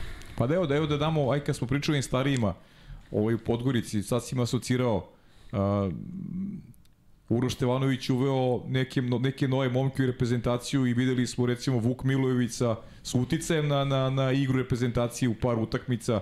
Zaista sjajan debitanski nastup njegov. Vladimir Mišović koji je odavno već široj javnosti e, poznat. E, Marko Dimitrijević koji je bio i u Americi. Dakle, pojavljuju se neki neki novi momci koji koji ovaj prete da da zauzmu da zauzmu pozicije ovaj možda i nešto starijih igrača ovaj koji su prošli kroz reprezentaciju prethodne dve godine. Pa znaš kako, kada imate neke rezultate odlične rezultate, na primjer senjorske ekipe koje su bile u poslednjih 10 ili ne znam mhm. koliko godina, jednostavno ne samo opšta javnost, nego i vaterpolo javnost ne obraća pažnju na te momke u smislu sve je fokusirano na na, na selekciju, ali ipak mhm. postoje neki ljudi i neki treneri koji se bave koji se Tako. bave tom decom koje stasavaju. Ja sam samo teo da kažem da oni sad imaju i priliku da, sa, da igraju sa, u ekipama sa, sa reprezentativcima, što ranije nije bio slučaj. Tako je. I da je to stvarno fantastično. I rezultat svega toga možemo da vidimo da sada već selektor ubacuje neke mlađe momke i oni pokazuju stvarno zavidan kvalitet koji će sigurno biti još veći i doneće im mnogo samo učešće na pripremu reprezentacije siguran sam da će im da će im dati puno prostora za napredak. Da, sigurno veliki benefit je ovaj što što igrači mogu da da igraju u svojoj zemlji i da da, da je liga jaka i sad nameće se naravno Mićo sada ona sledeća sledeća stavka to je e, neki moj utisak i često ovde i Aleksandar i ja sa gostima pričamo u podcastu e, vezano je za taj neki umor igrača, za veliki broj utakmica po sezoni, da sistem igranja Jadranske lige koji je dosta odmogao klubovima uh, u pripremi, recimo klubovima koji igraju Ligu šampiona, često se tu dešavale i neke bolesti, povrede uh, koje su uticale na kvalitet igara u elitu takmičenju. Ono što, što mm, je meni problem što Jadranska liga ne daje ovaj neki neki benefit kroz ne znam neki plasman u ajde da kažem neko evropsko takmičenje ili što što nemaš e, Nema, tu nema neku da nemaš tu neku vrstu neku vrstu sportskog motiva a opet kažem u poređenju sa Španijom, sa Italijom, sa Grčkom imam utisak da nekad reprezentativcima nedostaje svežine jer jer imaju zaista veliki broj utakmica. Ne znam kako ti gledaš na, na, na taj problem. Pa, od korone pa na ovamo, što se tiče, ajde sad da krenemo od Jadranske lige, veliki problem je to što, e, po meni na koji način se ta liga ko liga ne vidim da je problem jer stvarno baš ono čemu smo malo pre pričali jeste nema rezultatski značaj u smislu nekog plasmana ili možda neke novčane nagrade za klub, ali opet vam daje mogućnost da da nešto razvijate, da probate da, da ubacujete neke mlađe igrače i to je za njih neprocenjivo iskustvo. Sad mi pričamo iz naše perspektive danas, kada imamo jaku ligu i sad mi možemo kažemo da ok, nama sad ne treba, ali moramo da se vratimo unazad i da znamo da kada im je ta liga bila neophodna, jer je za mnoge ekipe, igrače je to bio jedini put, e, odnosno jedina prilika da igraju neke jake jake utakmice sad. Po meni je tu veći problem sistem kako se odigrava mhm. ta liga, odnosno ovi Samo to je problem, ja, ja nisam turniri, protivnik, da, naprotiv. Ovi turniri, po meni je to ne, neodrživo, pogotovo iz perspektive igrača da vi igrate na turniru po pet utakmica za pet dana i vrlo često se desi da posle dva dana imate vrlo bitnu utakmicu u Ligi šampiona ili svom prvenstvu, to mi se nikako ne sviđa i mislim da, mislim, ne mogu, to je iznuđeno rešenje zbog nekih drugih raznoraznih problema. Nije, ne mogu da kažem da neko misli da je to dobar način ili, mm -hmm. ili kalendar, jednostavno zbog određenih stvari to je na neki način moralo da bude tako, opet ja mislim da uvek može da se nađe mhm. neko bolje rešenje i očekujem da se to iskreno desi. A sada se samo da se vratim na reprezentaciju i što si rekao da su naši igrači umorni, to jest preopterećeni. Tu je možda i prednost uh, španske reprezentacije i italijanske, gde je, je kvalitet lige skoncentrisan u jednoj ekipi mm -hmm. u mhm. Španiji i dve u, u, u Italiji. Italiji. Tako da oni imaju gomilu vremena kada jednostavno mogu da odmore glavne igrače ili da smanje minutažu na, na minimum, jednostavno neće uticati na na rezultat imaju mnogo više prostora za odmor. M igraju jednu ligu manje, odnosno nemaju regionalne lige, M imaju 80% utakmica u svom prvenstvu da je jednostavno neću da kažem da lako pobeđuju, ali nije taj naboj ni psihički, ni, ni onako energetski, a ni fizički. Tako da zato oni dolaze na ove turnire sveži, odmorni i sigurno možda čak i motivisani, jer, jer nemaju priliku da kroz svoje prvenstvo se pokrenu u tom smislu. Tako da, da, što se tiče nas, raspored je stvarno stvarno paklen, pogotovo sledeće sezone. Jednostavno ne znam kako će treneri i klubovi da to iznesu, sigurno će morati da traže neka rešenja da odmore neke igrače, jer jednostavno toliko takmičenja turnira za godinu dana, faktički za godinu dana imate što se tiče nas kvalifikacije, turnir svetskog kupa, svetsko prvenstvo, evropsko prvenstvo, svetsko prvenstvo i olimpijske igre, mislim. Čekaj, I, ja sam... i pritom prvenstvo domaće i Jadransku ligu i ligu šampiona. Ne znam ni koliko sam nabrao više. Ja, ja sam čuo, ja sam čuo, nezvanično neću reći klubovi, to ti verovatno i bolje znaš od mene, da neki klubovi planiraju sledeće godine da imaju značajno manje budžete od tekuće sezone, upravo zbog toga što će biti skraćena sezona i što oni ne vide tu potrebu da da daju neke, ajde da. kažem, neke da izdvajaju neke veće financije s obzirom na, na ono što ih čeka. Stvarno je stvarno pakao. Ja, ja ne vidim, ne znam kako će izgledati ta sezona sledeća. Ovaj. Pa, mislim, ne znam, biće sigurno jako zgusnut raspored. Sad ne znam, pričaju se razne priče, ali to je sve tako rekla kazala. Da, sve rekla U svakom kazala. slučaju, meni je nelogično da neko igra Ligu šampiona, na primjer, i kao smanjuje budžet zato što ne znam zbog čega. Svakako, mm ako imaš neke ambicije ne plaćaš igrače po mesecima nego za celu sezonu i isto ćeš igrati svoje prvenstvo mm. i ligu šampiona i šta ti ja znam. Tako da ne vidim preveliku logiku u tome jer se svi pozivaju na to kao neće biti igrači tu 8-10 meseci u klubu, nego će imati pauzu. Mm. Da, ali ćeš svakako igrati to celo prvenstvo, tu celu ligu šampiona i tako dalje.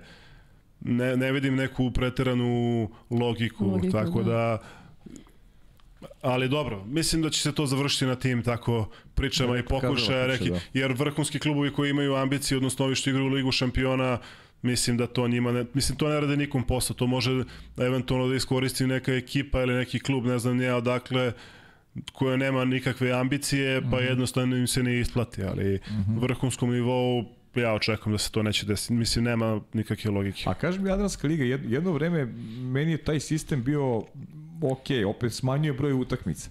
Znaš da su se priznavali rezultati u srpskom šampionatu Uh, Da. igraš meče Jadranske lige, ali to ti se priznaje za, za srpski šampionat. Imaš pet ekipa iz Srbije koji igra Jadransku ligu. Valis igrao, kvali- igrao taj baraž za ulazak, nije uspeo da. Da. protiv Solarisa, ali ti imaš pet klubova i, i, i ti neki međusobni dueli, tu stvarno mogu da se priznaju i ti Pa- rezultati na taj način smanjiš broj utakmica automatski u domaćem Jest. šampionatu. Trenutno se o tome dosta raspravlja jer mi moramo da vidimo da pronađemo sistem igranja naše, našeg prvenstva za sledeću godinu. Mm -hmm. Ja sam nekako podeljenog mišljenja što se toga tiče jeste da svi, u svakom slučaju kako god sistem da se odradi, svi će biti u istom položaju, ali jednostavno dolazite u situaciju sa ako se igra na taj način koji si ti rekao, ne kažem da sam protiv, nego samo okay, analiziram, da, naravno. dolazite, Pa i da u- si protiv, ne, dolazite u situaciju, na primjer, da pobedite dva puta sve naše e, timove iz našeg prvenstva, a da gubite bodove iz ne znam nija kojih razloga mm -hmm. protiv hrvatskih ili crnogorskih klubova i faktički idete sa donje pozicije u našem play-offu, a pobedili ste sve ekipe iz našeg prvenstva. Ili samo sa jednom ekipom, nema veze. Budete lošije plasmani, plasirani na kraju pred play-off, a pobedili ste tu ekipu dva puta zato što ste izgubili bodove, ne znam, ne znam gde. To je sad opet druga strana te priče. Tako da u svakom slučaju je to komplikovano i kako god da bude bit će isto za sve, ali da su da je normalan kalendar ja ne bi bio za to iz prostog ovog razloga što sam rekao, ali sigurno će morati da se nađe neko rešenje ili neki kompromis jer jednostavno ako opteretite našu ligu sa našim kalendarom ne obazorujući se na ove ostale obaveze onda će to stvarno biti onako ne znam, ne znam ništa, kako više da se izrazim. Da si Prosto kada ne- vodilo, Mićo, evropsko, svetsko prvenstvo olimpijske igre u istoj, u istoj godini? Pa nije. Ja, ja mislim, bar ja da znam, možda, ne znam. Isto, ja, ja, ja, ja, Jednostavno, ja sam čak i ta korona godina je poremetila sve, niko nije teo da odustane od toga da otkaže jedno veliko takmičenje, ni, ni Fina, ni, ni Len, ni, nisu im uslađeni kalendari, Najgore od svega što tu najviše ispaštaju sportisti. Tako Mislim, tako publici će biti zanimljivo da gleda to i da prati svakom slučaju, ali jednostavno sportisti ispaštaju najviše i ja se samo nadam da će posle 2025. se vratiti u normalan u normalan taj raspored i da će ići na godinu dana svetsko i evropsko Ali prvenstvo. nekako su se svi sportovi baš brzo posle te korone i poremećaja kalendara da. vratili, osim vaterpola. I mi smo već prošlog leta pričali o tome kako se piše jedna negativna istorija sporta Da, da. u tom smislu kalendara i to i dalje traje. Ali ovo, ovo sad što nas čeka mislim da je najbesmislenije. To, što- ška- šta smo rekli, kad je Fukuoka, a kad je Doha? Uh, Fukuoka je sada u julu, a u U februaru... februaru. Da, znači taj svetski šampion će biti svetski šampion koliko meseci? To je, Pet, ja ne znam pet, da šest to... meseci. Pa Pa, da. da. Ni u jednom sportu. Ni u jednom sportu. Pa da. bukvalno, Pritom, Mićo, mi pričamo upravo iz tog aspekta sportista. Jer nama, podcastu recimo, pa meni, meni je super što je tako. Pa da, Da, zato i neke Ja, kažem. strane znaš, stvarno me, me, super, meni da. je super. Ja, Da, ja da. imam događaje, meni je fenomenalno. Ali to smo duže si-. Što se mene Duže tiče, si- stavite još jedno Da. svetsko prvenstvo u tih šest meseci. Duže meni je si, duže si prvak Srbije nego svetski prvak. prvak. Svetski Prvak. prvak. Pa da, stvarno. Da. Ali i pričali smo to Neverovatno. malo i sa sportistima i bivšim i trenerima. Mislim, sa jedne strane, opet ovo što on kaže, nama super odgovara, jer kao ranije stvarno nismo imali toliko vaterpola da gledamo na TV-u i čini mi se da je sad sa te marketinške i medijske strane sve negde krenulo na bolje, a s druge strane zatrpavamo malo i ljude, nisam sigurna ni navijači Pa, koliko su pa ono.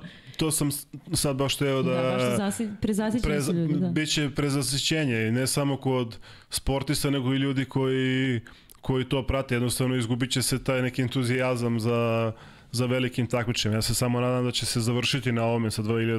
Da, Da, da. da. da će se to vratiti. Mislim, mora jednostavno prosto je neodrživo. Ne, nemoguće je. Tako Pa mislim, da, stvarno jadan svetski šampion u Fukuoki, Je- koji da. će to biti ono do... Da. tako da, eto, to je što je. Da. Da. Baš, baš je ovi katastrofa. Pa dobro, da nekako uvek probamo iz tih kalendara i klubskog, sa, klubskog plana i sa reprezentativnog da izvučemo neku korist, da kažemo, ali to je dobro. Da. Nešto se uvek završi priča drugačije, nema pojma. Da. Miću, li imamo još nešto kažemo vezano za reprezentaciju ili smo...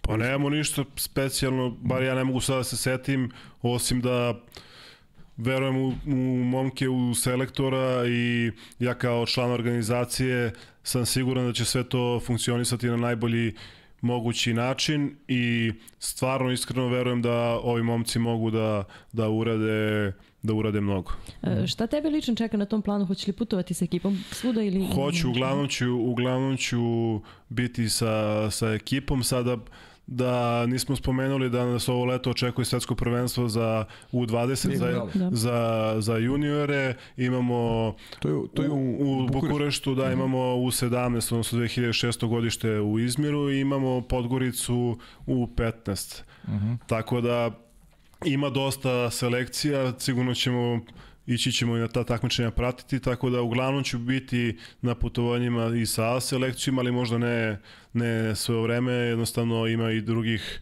mm -hmm selekcija i stvari koje treba ispratiti, tako da, mislim, rasporedit ćemo se, ima nas dovoljno, tako da, mislim da bitno je samo da njima ništa ne fali, da sve bude u redu, a to gde ću ja biti je manje, manje bitno. Ja, kaži meni još jedno, pre nego što još malo te vratim na karijeru, ima tu i pitanja, ovaj, ženski vaterpolo i bilo je pitanje za, za ženski vaterpolo, evo, imali su prilike ovde i kroz studiju da, da, da i, i, i da upoznam i da razgovara s nekim devojkama koji su onako baš pune entuzijazma i, i, i vole vaterpolo i planiraju time da se bave i Ovaj, kakav je plan nekako, ili možeš nešto kažeš da. ispred... Ispre, da, seniorska ženska reprezentacija ima kvalifikacije za evropsko prvenstvo uh mhm. -huh. koje će se održati u Novom Sadu uh mhm. -huh. i mislim da imaju juniorsko takmičenje u Izmiru isto one da uh mhm. -huh. učestvuju.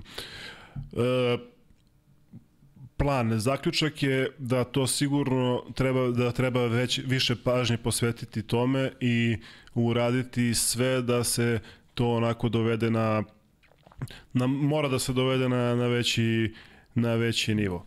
Mhm. Uh -huh. e, problem je na svakom koraku što se tiče ženskog vaterpola. Uglavnom,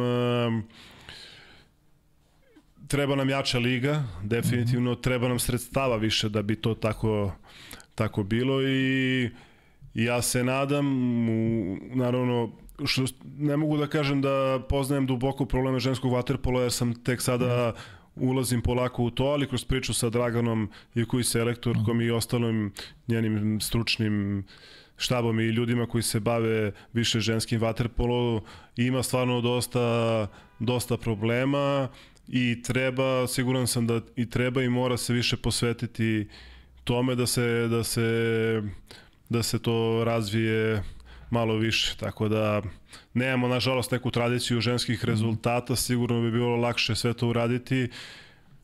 Međutim, ako imamo dobar rad s muškarcima, dobre rezultate, ne vidim zašto to ne bi moglo Tako da je. se izvede sa, sa, sa žena. Tako da, eto, za sad mogu da kažem da se slažem da to treba podržati više, treba ispratiti više i treba jednostavno možda gledati u neke kvalitetne ženske selekcije i druge reprezentacije, mislim, mm. i mhm. pokušati primeniti nešto od toga kod nas, tako da postoji ta ideja da se to unapredi, pa ćemo, radit ćemo na tome i vidjeti šta možemo da uradimo. Ali zaključak je i ovde kod nas bio u razgovoru sa, sa ljudima koji su direktno uključeni u ženski vaterpolo da žene imaju jednake uslove kada je reč o pripremama za veliko takmičenje, odlazak na veliko takmičenje. Koristili smo taj split kao primer no. i da. kao učešće na evropskom prvenstvu, gde su oni svi stvarno bili super zadovoljni no. Da. svim tim stvarima, gde uopšte nije bilo razlike između muške i ženske selekcije i pritom smo uzimali neke negativne primere iz Evrope koji nisu baš imali tako dobre no. Da. uslove. Tako da u tom smislu Srbija nije kao da mnogo kaska za ostalima, naprotiv. Ne, ne. Ali šta bi bio neki naredni korak? Eto, šta je u, ideja? Da. Ne, u što se tiče tih stvari stvari mislim da je malo besmisleno pričati ukoliko učestvuju na velikom takmičenju zašto bi ne bi imali da. iste uslove kao kao muškarci. Zato što je bilo selekcija u Evropi koje su da koje Ma su je, jednostavno problem je što nema dovoljno nema dovoljno devojčica u, u poređenju sa, sa, sa dečacima i i iz nekog kvantiteta se crpe i kvalitet, tako da oni nemaju dovoljan broj devojčica. Sad, možda treba početi od toga i raditi na tome da se što više njih zainteresuje da dođe na bazen i bavi se time i onda vremenom će se sigurno selekcija proširiti i poboljšati kvalitet. To je možda, eto, da kažem, polazna osnova. Sad ima stvarno dosta stvari koje treba i akcija preduzeti, neće se to desiti samo od sebe, da. to je definitivno, ali verovatno je to neka polazna tačka. Mm -hmm. E, ajde da kažemo još ovo, da ne zaboravimo, Mićo, probamo da prohodnost do, do Pariza. Da, e, pa znači e, sa ovog prvog svetskog prvenstva, odnosno Fukuoka, ovo leto dve ekipe će Oti, da. otići na svetsko prvenstvo. Na olimpijske igre. Na, na olimpijske igre, izvini. E, Evropsko prvenstvo daje jednog kvalifikanta, mhm. -huh i sledeće svetsko prvenstvo u Dohi još dva. dva. I s tim što su Francuzi direktno plasirani, da. Evropa daje znači faktički pet ili šest, ja mislim, da. mislim reprezentacija, što znači da ukoliko isti timovi koji su odnosno timovi koji su već plasirani budu u prva mhm. -huh. prva, prva, tri. prva tri na svetskom prvenstvu u Dohi, sledeće dva idu mhm. -huh. idu dalje, znači što bi bilo pet. Sad ukoliko to bude pet evropskih ekipa sa Francuskom, onda će Waterpolo imati šest evropskih selekcija na olimpijskim igrama i mislim da u toj konstelaciji snaga ja se nadam da mi ne bismo trebali da imamo problem. problema ako sve bude u redu problem može da nastane ukoliko, na primjer, neka reprezentacija s drugog kontinenta kontinenta, pa, odnosno... države, pre svega. Pa, oni su najkvalitetniji, yes. dođu u polufinale, finale, onda znači da automatski jedna selekcija iz Evrope otpada, tako da vidjet ćemo. Ja sam uveren da, da nećemo imati problema i mm -hmm. Da, da ćemo se plasirati na olimpijske igre. Dobro, s tim što stvarno Sjedinjene države imaju dobru ekipu. Ne, imaju. Dejan Budovičić koji je tamo već deseta godina, nešto možda godina da. manje, ali taj sistem njihov e, igranja u evropskim klubovima, igranja u klubovima koji igraju Ligu šampiona, očigledno daje rezultate i videli smo u Zagrebu recimo pobedili su Mađarsku su recimo pobedili da. ok utakmica nije imala neki pa, veliki su, takmičarski kvalitet ali baš su ih onako zgazili. Da, oni su godinama unazad imaju taj problem da im igrači odustaju posle koleđa ili eventualno igraju godinu, dve mm -hmm. u Evropi i jednostavno se vrate u Ameriku i bave se nečim, nečim drugim i kad god su uspeli i sa Dejanom da naprave neke određene pomake individualno i kao ekipa, jednostavno je gubio po nekoliko glavnih igrača. Sada je situacija tamo koliko vidim drugačije u smislu da ti igrači koji su sada tamo vide sebe u Los Angelesu, imaju veliki motiv da igraju olimpijske igre mm -hmm. kod kuće i jednostavno hoće da, da ostanu u tom sistemu do tada i to evidentno da je, da je rezultate, tako da mislim da će oni biti jako konkurentni na ova oba svetska prvenstva i na svetskom kupu, imaju stvarno kvalitet možda i najbolji u poslednjih sigurno 15 10 godina, ajde da kažemo 2008. kada su bili u finalu olimpijskih igara mm -hmm. i oni mogu sigurno mogu mogu da urade dosta. Mm -hmm. E mi ću još jedno još jedno pitanje sami kako mi se teme ovaj ovaj nadolazi mi kako te slušam šta pričaš. Uh, koliko je realno i da li ima te uvid uopšte u savezu? Sve vremeno, sve vremeno mi je Dejan Savić pričao o momcima koji su uh, onako bili, koliko se Studios doradilo uvek u Vaterpolo Savezu i, i, i selektori su vodili računa o tim, ajde da kažem, nekim najboljim prospektima, momcima koji mogu da zaigraju u nekom višegodišnjem planu za reprezentaciju. Koliko je tih mamaka otišlo u Ameriku, jer sad uzimam primjer i Stefana Brankovića, čitao sam da je Branković ovaj, planira odlazak u Ameriku. Da li je o, njegov odlazak u Ameriku, da li to i a priori znači da je izgubljen za, za reprezentaciju, jer imamo eto primjer iz Hrvatske, imamo Lovri Miloša koji je no. igrao za reprezentaciju pored toga što je, nešto je bio tamo na studijima i ima nekih igrača koji su, pa, što se kaže, preko bare, a, a možda mogu da pomognu to nekom da. procesu. Svaki igrač važan, naravno. Da. Pa trenutno Mm, ja ranije nisam razmišljao previše o tome, ali mhm. trenutno da ja znam, ne, sigurno ima naših momaka koji tamo, uh mhm. -huh. koji tamo igraju, ali imamo sad ovaj primer što si ti rekao, ja sam isto ne čuo, ne znam ni da li je istina ili nije, da će se desiti, nije da. ni važno, ali to govori o motivaciji tih igrača koji su na pragu reprezentacije odlaze u Ameriku, tako uh -huh. da mhm. treba gledati možda i sa te strane, ako nisi da. spreman da se boriš i da budeš tu, sigurno postoji razlog zašto se odlučio da ideš Tako je. da ideš tamo što je meni skroz ne, legitimno. skroz u redu da me neko ne shvati da me neko ne shvati pogrešno, ali takođe nisam za to da ljude treba otpisivati, jer dešava se da Upravo to se da neko sticajem raznih okolnosti kao mlad ode tamo i ovde prođe da tako kažem ispod radara, naravno da to nije razlog da on ne bude analiziran ili pozvan mm -hmm. da igra za reprezentaciju, pa imate primer isto Alekse Šapovića koji je bio tako na koleđu igrao olimpijske bravo. igre, imao je sigurno kvalitet za, mm -hmm. za to, tako da ima tih primera, u svakom slučaju treba to to treba pratiti, ja sam uvek za to, treba, treba da igraju najbolji, pa mako bio i mi nismo u situaciji da se odrečemo bilo koga. Jasno. Tako mm. da, eto. Super. Pavle, ima li nešto bitno što smo propustili? Pa ne, ima, ima, što... ne nešto, pre pitanja, ja sam teo još malo samo da vratim Miću na, na, na, ovaj, na karijeru, ovaj, davno sam teo ga pitam, da kaže javno da li ima nešto za čim ovaj žali ovaj u, u, u karijeri, da li ima neki moment koji sad iz ove glave, a možda ga podeli pošto je sad više bivši da. igrač. Da li ima nešto ovaj što je moglo da bude drugačije sad iz, iz njegove sadašnje prizme ili ili je uvek pa, sledio neki svoj instinkt da. i bira ono što, što je ovaj želeo?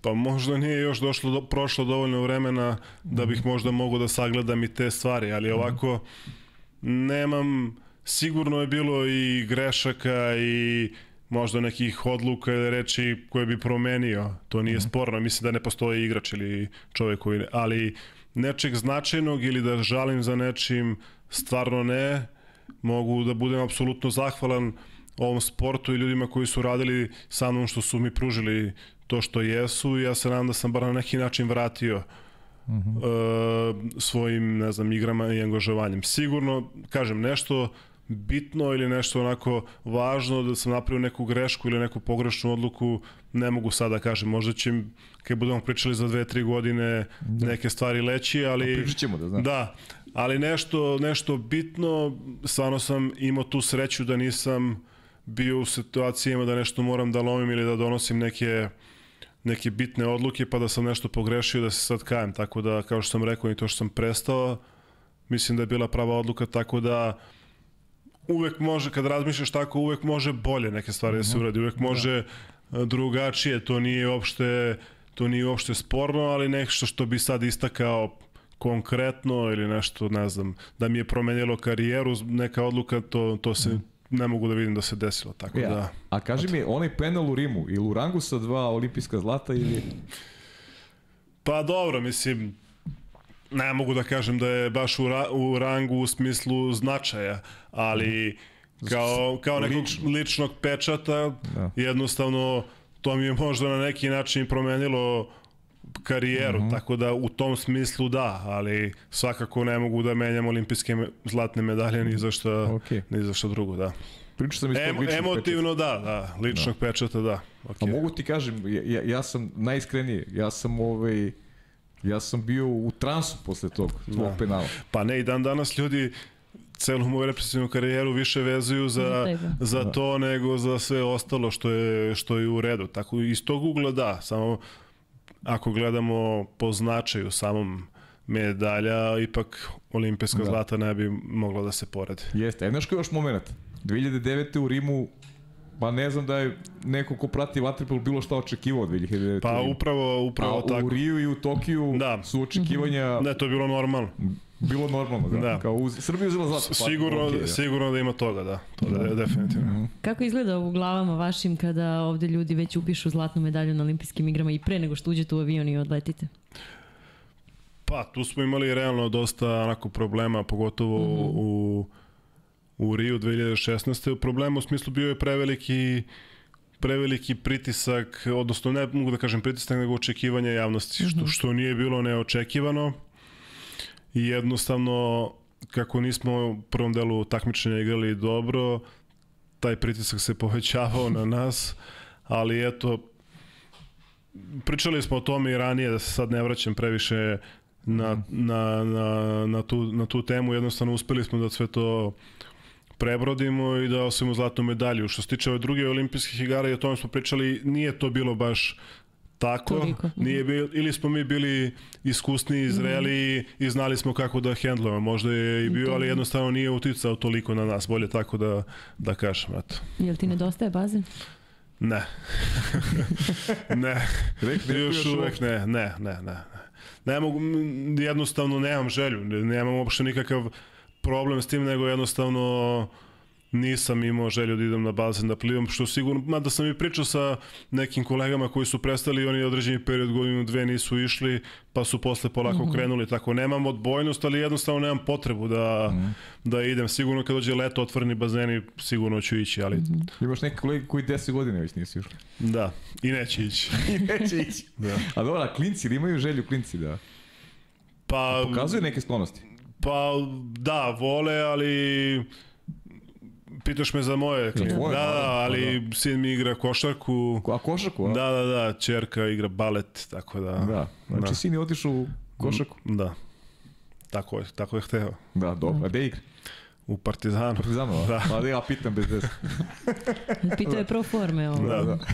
ovaj, uh, Hoćemo na pitanje, a? Da, da, pa htela sam se nadovežem novo, treniraš bez obzira na da, to što ne da, u bazen. Da. Mislim da je to jako važno i za sportiste uh mhm. -huh. koji prestanu Prestan. profesionalno da se bave sportom da moraju da održavaju tu fizičku formu, imaju čak i neke studije da pokazuju nagli prestanak aktivnosti može uticati jako na, na srce i tako dalje, a mislim da pre svega zbog sebe jer ne radi se tu samo o fizičkoj spremi, mm. nego i, i mm. psihičkoj sigurno tako da dajem teretanu mm -hmm.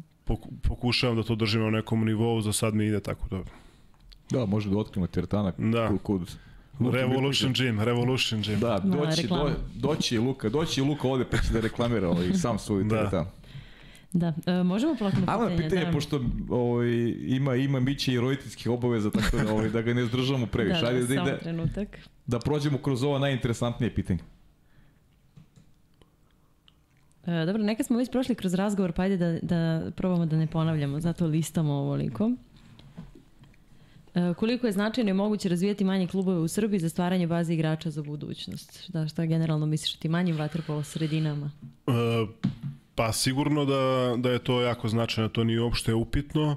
Ja bih voleo da imamo, da razvijamo neke nove sredine u smislu da ne bude koncentracija klubova, da imamo 25 klubova u Beogradu, ne kažem da ih treba ugasiti, nego bih voleo da neki gradovi gde možda i nema tradicije vaterpola, mm -hmm. da, da, da probamo da razvijemo neke nove vaterpolo centre, jer sigurno je sigurno postoje deca i u tom nekom, ne znam, Užicu, Kraljevu ili sad iz glave onako navodim gradove koji imaju vaterpolo klubova, ali možda na tom nivou koji bi koji bi se bavili bavili time i sigurno bi lakše kroz lokalne samouprave i obezbeđivali neka sredstva za rad.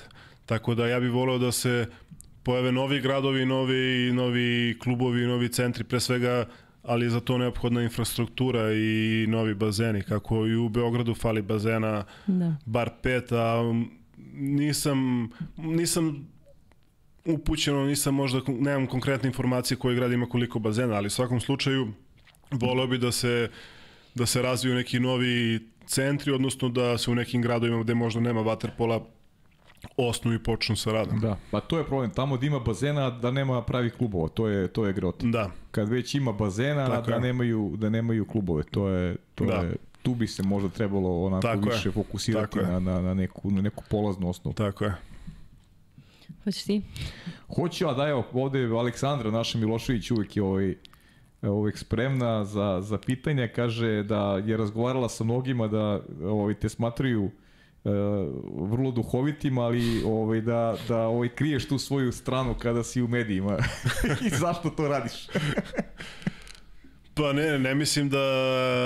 Ne misliš da kriješ? Ma ne, ne krijem, nego jednostavno sada ne pričam o sebi, ali komotnije ose, se osjećam u komotnije se osjećam opuštenije u nekim drugim situacijama. Nikad nisam bio čovjek koji je volao tako ta gostovanja, javni prostor, jednostavno ja ne kažem da mi ne prija, nego jednostavno sam opušteniji i verovatno se onda to dolazi do izražaja mm -hmm. u nekim intimnim druženjima. Da, nisu svi kao naš kolega Nikola Rađe, da. on voli da se... No.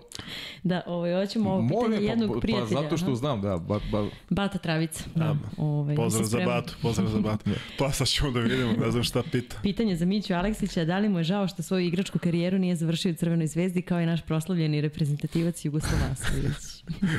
Mislim da je ovo pitanje već bilo za stolom ovaj, negde van medija više puta Da, postavljeno. pa ne ovaj, znam da li treba da odgovaram. Jugoslav ima tu sreću da završi karijeru u Zvezdi. Ja sam možda propustio šansu ove karijere, tako da, ali nije mi nije mi žao, možda će mi za 10 godina biti žao. Pričat ćemo za 10 godina. Kaže Aleksandar opet, kaže, dosta vremena je provao u inostranstvu, velikim i uređenim klubovima i sistemima. Šta je to što bi volao da implementira u naš savez i reprezentaciju? Pa da, proveo sam 7 godina u Mađarskoj i 2 godine u, u Španiji. Uh -huh. I nema tu što se tiče organizacijonog dela klubova i njihovog saveza, mislim da mi tu uopšte ne zaostajemo. Ono gde mi zaostajemo, odnosno šta je naš minus, što ti svi ti klubovi i reprezentacije i Waterpolo savezi imaju neku finansijsku sigurnost. E, organizacija, struka i tako dalje, mislim da tu uopšte ne zaostajemo, zaostajemo za infrastrukturom i stabilnim finansiranjem što nekad su i najbitnije možda stvari. Ne, ne uvek, ne mogu ne kažem ovako, može da dođe do izražaja jako negativno utiče na ekipu i na dobar rad, tako da kvalitetna rad je ne, nezamenjiva, ali to su, to su onako stvari u kojima zaostajemo. Ja bih volao da se na tom polju nešto promeni, to je da se napravi sistemsko finansiranje klubova recimo u odnosu na rezultate postignute rangiranja šta ti ja znam, mm -hmm. ili kroz možda, u, u Mađarskoj je to urađeno kroz sistem PDV, odnosno plaćanja poreza državi da su možete da, određeni procenat možete dati u sport mm -hmm. ili kulturu ili ne znam Ili nijak gde je sada da. da od tog određenog dela poreza budete ovaj, oslobođeni. To je sad već izlazi iz okvira sporta, to je neka ekonomska pitanja na nivou države, tako da ne bih, nisam baš stručan da raz, pričam o, o tome i infrastruktura takođe, znači novi centri, bazeni, otvoreni, zatvoreni, svejedno, tu takođe dosta za zaostajemo. Eto, nažalost, i ja bih volio da se tu nešto promeni. Uh -huh. Imamo li nešto što Pričali su, pričali su ovde i kad je bio i, i Nemanja Marijan, kad je bio, ili se, ili se dešava nešto, ajde opet pitam nekog iz i Saveza sa onim nacionalnim centrom, ili ima nešto oko toga ili to... Trenutno ne. Trenutno Trenutno, ne. ta ideja uvek postoji. Mm Mhm. -hmm. Nisam siguran, mislim da je neki projekat možda čak postoji, ali trenutno koliko ja znam se ništa ne dešava, što ne, ne znači nikako da od toga treba odustati Da, da. i ne pričati o tome. Ja mislim da bi to bio jedan veliki pomak Mhm. za, za, naš, za naš sport. Ne mislim da je to neka prevelika, prevelika investicija, onako da sigurno nisu bačene pare i ovako i onako nam fali bazena, ovako bismo dobili 1, 2, 3 bazena plus nacionalni centar, samo bi moglo da donese da poboljša sve ovo što već imamo, znači Mhm. imalo bi više prostora za rad, za, za sve ostalo. Sigurno. Tako A šta da. je sa Tašmajdanom? Pa ne znam, koliko sam čuo, nisam tamo bio davno da je spoljašnji bazen nešto smanjena visina bazena. Tako je, Mislim, čak sam i čuo da se to, da će to da se sredi, ali iskreno ti kažem, Da, nema poznanja. mislim jednostavno na Taš Majdanu, koliko znam, sve funkcioniše, imaju dva bazena koji rade cele godine Da. i oni su puni, to je bazen u centru. Ali upravo to što si rekao, što nema... Da, smanjena je Dubina, dubina, da. i nije, mislim, po propisima ne može da Tako se igra da se igra. vaterpolo utakmice. Upravo to. Ali koliko sam čuo, nema da me držiš za reč, nisam siguran da će to ispraviti. Ne znam kako je Mhm. moglo doći do toga jednostavno. Da, jasno. Jer ipak je Taš Majdan ima tradiciju velikih takmičenja i prvenstava da dođe do tako nečega prosto, Jasno. prosto nevjerovatno, ali eto, desilo se. Pa. Ako, nadam se da će se to rešiti. Mislim, nema smisla. Pa realno neki najbolji, najbolji ambijent, recimo. Pa mislim, to je jedan bazen, onaj- za nas što se tiče vaterpola sporta, to je jedan bazen manje. Jedan, pa zato, zato i kažem. to je Možda ne za bazen manje. trening, ali jedan Ti bazen nemaš manje. nacionalni, nacionalni centar, da li će se go- dogoditi, kad će se dogoditi, sve ok, ali ti imaš taš koji može da se Da. rekonstruiše i da i da postane Tako ponovo je. funkcionalan. To je Tako je. jako važno za, za vatru. Jasno. E, Aleksandre, ovo je interesantno pitanje. Kaže, jako je put njega i njegove generacije uh, bio bajkovit kao i čitava karijera. Vjerojatno je bilo kriznih momenta. Da li ima neki krizni moment ili preispitivanja ovaj, koji bi podelio sa nama? Pa, pazi, Sigurno Bilo je bilo, sigurno, da. mislim ne može da ne bude. Svaki dan se preispituješ za, Mhm. za određene stvari što se tiče sporta od treninga do treninga, da li si mogao ovo ili ono bolje ili lošije, šta ti ja znam, da li si umoran, nisi umoran. Sigurno je bilo teških situacija. Bilo je 2013. kad smo ispali u četvrtfinalu, prva Dejanova Prvo, da, veliko Mađarska, takmičenje. Da, sigurno je onako smo se zapitali da li je moguće. Jednostavno nismo očekivali, više je to bilo. Mhm. -huh. Tako da, bilo je situacija, uvek kada nešto ne ide ili kada vam lično ne ide, uvek dolaze na red ta preispitivanja. Tako da, na olimpijskim igrama u Riju isto. Došli smo u situaciju da izgubimo od Brazila, mislim, Da. što je bilo ne, ne, nezamislivo da igramo egal utakmicu s Japanom za prolazak u, u četvrt finale, mislim da, da me neko tri, me, tri nedelje pre toga rekao da to može se desi, prosto niko ne bi, ni nas iznutra koji smo znali da te reprezentacije imaju neki kvalitet, pa bi bilo ono, nema šanse. Tako da, bilo je tu svakodnevne i priče i preispitivanja, tako da toga uvek ima, jer bez toga možda na neki način ne možeš ni da napreduješ ako se ne vraćaš unazad i ne analiziraš ono što si uradio do tada. 25. maj, šestorica veličanstvenih oproštaj. Kakve, kakve su Da. kakve su emocije? Si kao kao klinac koji je počeo da se prvo trenira plivanje, pa kasnije ide na vaterpolo, da li mogao da krene na vaterpolo, da li mogao da sanja da će da će ovaj tako nešto da da se priredi u njegovu čast? Pa, sigurno, sigurno da ne. Ali što se tiče samog događaja, stvarno onako bilo emotivno. Mislim da je bilo lepo, jako lepo organizovano. Jedino što mi je žao što možda kapacitet nije bio veći, jer sam sigurno da bi više ljudi došlo. Mislim, znam da bi više ljudi prisustvovalo i imali smo tu priliku da se oprostimo od reprezentacije u, u Beogradu, u našoj zemlji pred našim ljudima, što je onako bilo jako, jako, jako lepo, tako da ostaće nam to u najboljem mogućem seći. Nije mnogo ljudi imalo tu šansu. Da, Da, je Da. Ovaj Da, možda ste jednom periodu života sigurno jedni drugim bili ovaj bili dosadni, ovaj ste provodili ovaj vreme konstantno zajedno, bukvalno svako leto igrali ste često i u klubovima zajedno. Prepostavljam da je danas ovaj ako vidiš drugo telefon vrlo ovaj Šta ako vidiš? ako ništa drugo telefon Da, sigurno da, da. radi, na vezi ste, na vezi ste. Ma ovaj. naravno, mislim, za, zašto, zašto ne? Sad svako ima neke svoje druge različite obaveze, ne viđamo se toliko, ali to ništa ne umanjuje našu povezanost. Na kraju krajeva da se više nikad niko ne sa kim ne vidi, hipotetički pričam, niko neće moći da nam oduzme ono što smo uradili i te trenutke i tu neku konekciju koju imamo između nas, tako da nije tako, viđemo se, družimo jednostavno, nismo dva put dnevno zajedno na treningu, tako da, tako da je to smanjeno, ali mislim da će to ostati, ne može da se izbriše i da će to ostati sigurno za ceo život, jer to što smo mi doživeli je stvarno onako istorijski.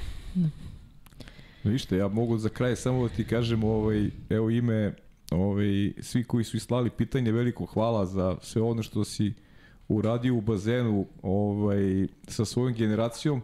Hvala ti i lično, jer si ovaj, jedan od onih koji je na mene uticao presudno da ovaj podcast se i pokrene. Evo to sad ovako javno kažem. Ti si jedan od tih od tog ma, malo broja malo broja ljudi koji su koji su me postakli da da krenem ovaj podcast i i želim ti puno uspeha i na novom poslu i da ovaj sve što sve što poželiš kako privatno tako i poslovno neka se ostvari. Ništa, hvala puno vama i mislim da znam, opet da pređemo na lično da ovo radite iz ličnog entuzijazma i ovo je sigurno nešto što mora da postoji, što treba da postoji. Mislim da fantastično radite svoj posao i ja vama da poželim puno sreće i da nastavite ovako. Hvala puno Mićo. Sad meni je bez veze da razbijemo ovu romantiku, ja se izvinjam. Ovo, ali morat ćemo nekako da odjavimo. Ovo, ne, ako smo mi nešto bitno propustili, želiš da kažeš da to uvek ostavimo negde za kraj. Mislim da smo nismo rekli nešto prošli. Da smo rekli sve što je aktuelno, malo smo išli prošlost, budućnost, tako da mislim da smo da za danas smo rekli sve. Što, Da.